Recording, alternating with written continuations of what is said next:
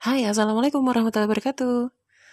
Hari ini agak spesial karena aku mau nge-review. Nge-reviewnya buku salah satu penulis hebat, handal, dan yang jelas memang buku ini udah lumayan keluar 2020 dan aku baru beli dong. Gak apa-apa kali ya, yang penting kan kita tidak pernah ada kata terlambat untuk baca. Ya, membela diri sendiri. Oke, okay.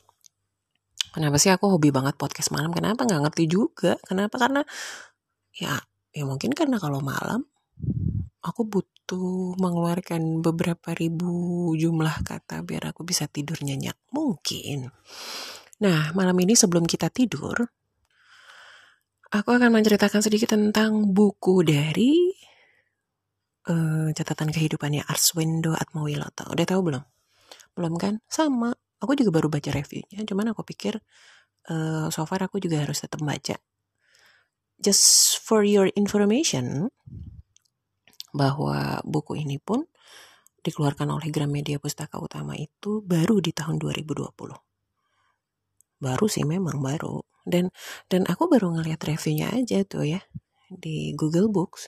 Itu aku pikir kayaknya bakal menarik banget deh untuk kita baca ke depannya. Kenapa? Karena beberapa review teman-teman yang sudah baca sebelumnya itu pasti memberikan suatu gambaran bahwa buku ini bisa merubah cara pandang dan berpikir orang bagaimana caranya bersyukur. Gimana enggak coba? Judul bukunya aja bersyukur tanpa libur. Tinggi banget nggak sih? Kalau kataku sih tinggi banget. Bahasanya Arswendo itu luar biasa. Dan buku itu di 30 halaman pertama itu menarik banget menurut aku. Eye catching banget. Dari tulisan-tulisan dia ulasan-ulasan quotes-nya gitu kan. Satu deh aku baca ini contohnya ya. Salah satu quotes-nya dia bilang begini di awal-awal halaman review bukunya. Bersyukur itu lega tidak cemas tidak lagi dibalut rasa takut tidak berputar-putar dengan mencari alasan. Simple menurut aku simple Kenapa? Karena hanya mereka yang tulus yang akan menemukan jalan keluar yang menyenangkan, tidak menyakiti siapa-siapa dan tidak menyisakan dendam. Wah itu benar-benar itu kilasan tulisan yang menurut aku ya sekelas beliau lah yang bisa menuliskan itu gitu loh. Uh, dari karakter penulisannya juga aku lihat dia sangat menarik ya untuk karakter kita-kita yang di era sekarang tuh. Kenapa? Karena memang semuanya itu apa ya?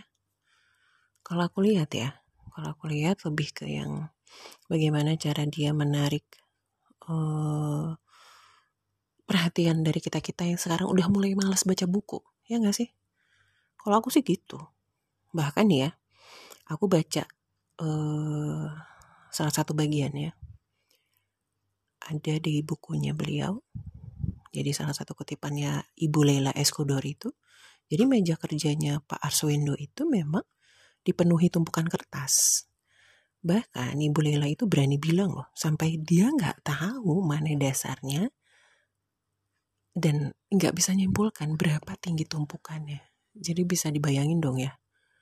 Itu jangan-jangan wajahnya Pak Arswendo waktu itu nggak kelihatan gitu seperti yang kilasan-kilasan kita lihat gitu kan di di tayangan-tayangan film gitu kan. Jadi aku tuh nangkepnya dari penjelasan rekan-rekannya itu bahwa Arswendo itu meski harus menggawangi banyak proyek beliau juga tetap produktif loh dalam menulis dan pandai banget mengorganisasi timnya. Berarti si kepalanya juga kan ya ya enggak sih jadi ada juga bagian gemes ya. Bagian gemesnya itu menurut aku yang ketika ia bisa memaparkan bagaimana dia membereskan itu tulisan sekaligus. Bayangin sekaligus dari mesin tik yang berbeda sambil mewawancara uh, orang-orang gitu. Ditanya kan kamu makannya apa sih? Salah satu pewawancaranya itu um, tanya ke beliau, kamu makannya apa sih? Bisa pinter gitu? Karena nggak ada yang bisa menghentikan Pak Arswendo itu untuk nulis apa pun. Kayak apa ya? Kayak ada air terjun aja gitu kali dalam pikirannya dia kali ya. Aku juga nggak tahu sih ya kok orang bisa pinter banget nulis sebuku yang menarik seperti ini tuh aku bener-bener yang apa ya, mendapat pembelajarannya gitu beliau tuh bilang begini di bukunya beliau bilang gini jika pikiran kita itu rumit maka tindakan akan sederhana begitupun akan sebaliknya gitu. Jika pikiran kita sederhana, maka tindakan akan rumit. Kesimpulannya adalah kalau aku bisa lihat adalah perencanaan yang baik akan menghasilkan efektivitas dan efisiensi. Ya kalau enggak ya berarti kita harus ngeluarin tenaga ekstra. Betul enggak? Oh, luar biasa loh. Oke, kita lanjut. Cara berpikirnya beliau itu kalau aku lihat sih ya, yang berfokus pada cerita beliau yang saya berfokus pada lilin bukan pada kegelapan. Aku membayangkan kondisi saat kita dipukul, kita akan mundur dulu atau terjatuh dulu. Terus kita butuh waktu-waktu untuk memotong dimensi fokus kita gitu loh. Jadi sempat ada lagnya untuk dipukul, bergeming, ya enggak? Nah, kalau dimensi fokusnya Arswendo itu enggak gitu gitu. Dia tuh enggak ada istilahnya dimensi fokusnya itu putus. Dia tuh stabil aja gitu. Jadi nggak ada yang namanya dia bilang bahwa dia memerlukan waktu atau suasana yang tepat dulu untuk bisa masuk dan menulis lagi tuh nggak ada bagi seorang Arswendo tuh nggak ada. Ya kan? Oh luar biasa nih. Sampai ya. Uh, beliau itu kalau aku lihat terobsesi sih. Terus terobsesinya gini. Uh, sampai beliau itu kalau misalnya sudah menuliskan sesuatu pasti kira-kira apa yang dia katakan tuh benar. Tapi kita tidak secara langsung bilang itu benar enggak. Tapi kita dibuat untuk lebih mengikuti alur ceritanya saja. Ya.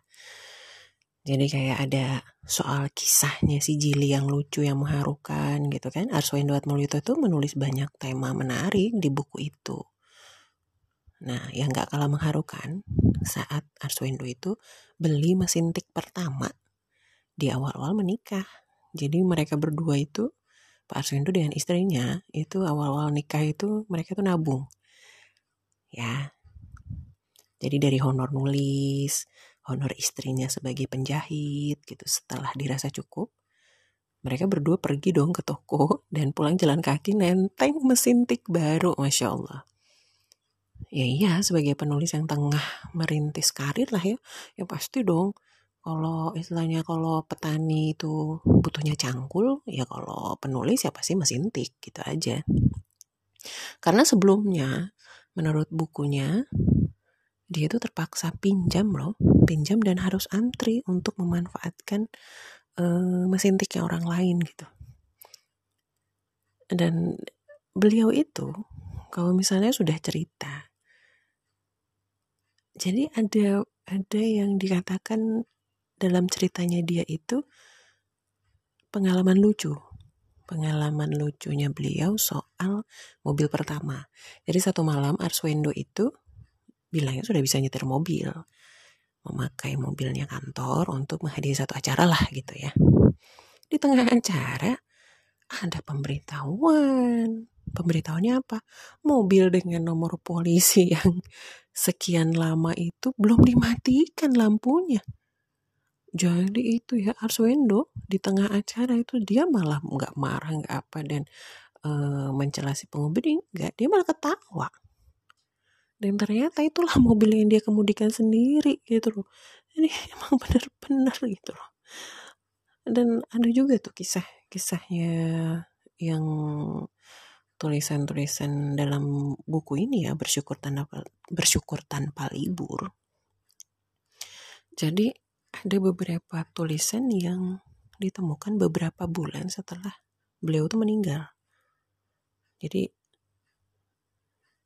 ditumpukan-tumpukan tema-tema di bukunya itu ternyata di balik itu adalah keluarganya itu menemukan beberapa tulisan yang menarik yang ditulis almarhum sebelum dia meninggal. Jadi ada buku berisi kesaksian istri, anak, menantu.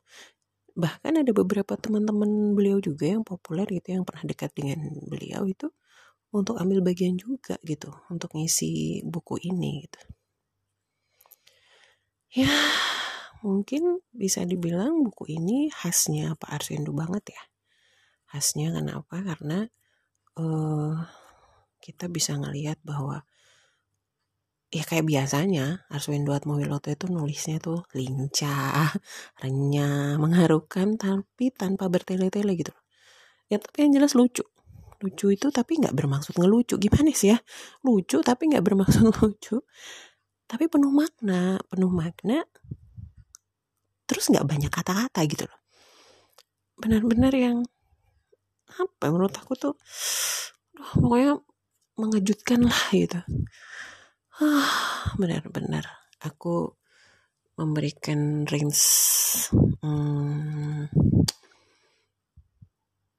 9 to 10 lah gitu. Kalau mau baca buku ini lebih lanjut kamu bisa dapetin ini di platform-platformnya kesayangan kamu. Aku nggak promosi atau apa pun cuman ya menarik aja gitu. Bahkan kamu juga bisa kok dapetinnya di Google Books. Bisa juga. Sayang aja gitu kalau misalnya kamu lewatin tanpa harus baca buku ini ya sayang. Kenapa? Karena ada beberapa ilmu-ilmu bahwa ya segala kehidupan itu ya letak-letak paling tertingginya itu ya bersyukur gitu dan itu dikupas menarik di 20 cm tebal bukunya. 280 halaman deh kira-kira ya. Jangan beli buku yang apa itu? Yang ada tuh kan platform-platform yang menawarkan buku dengan kertas buram lah. Mau oh, please deh belinya yang resmi dong ya.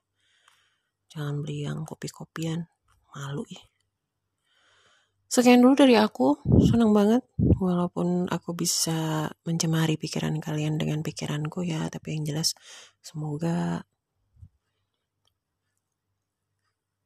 cerita tentang buku ini sedikit lah menggugah kita untuk lagi-lagi bilang bersyukur dengan kehidupan kita tanpa libur.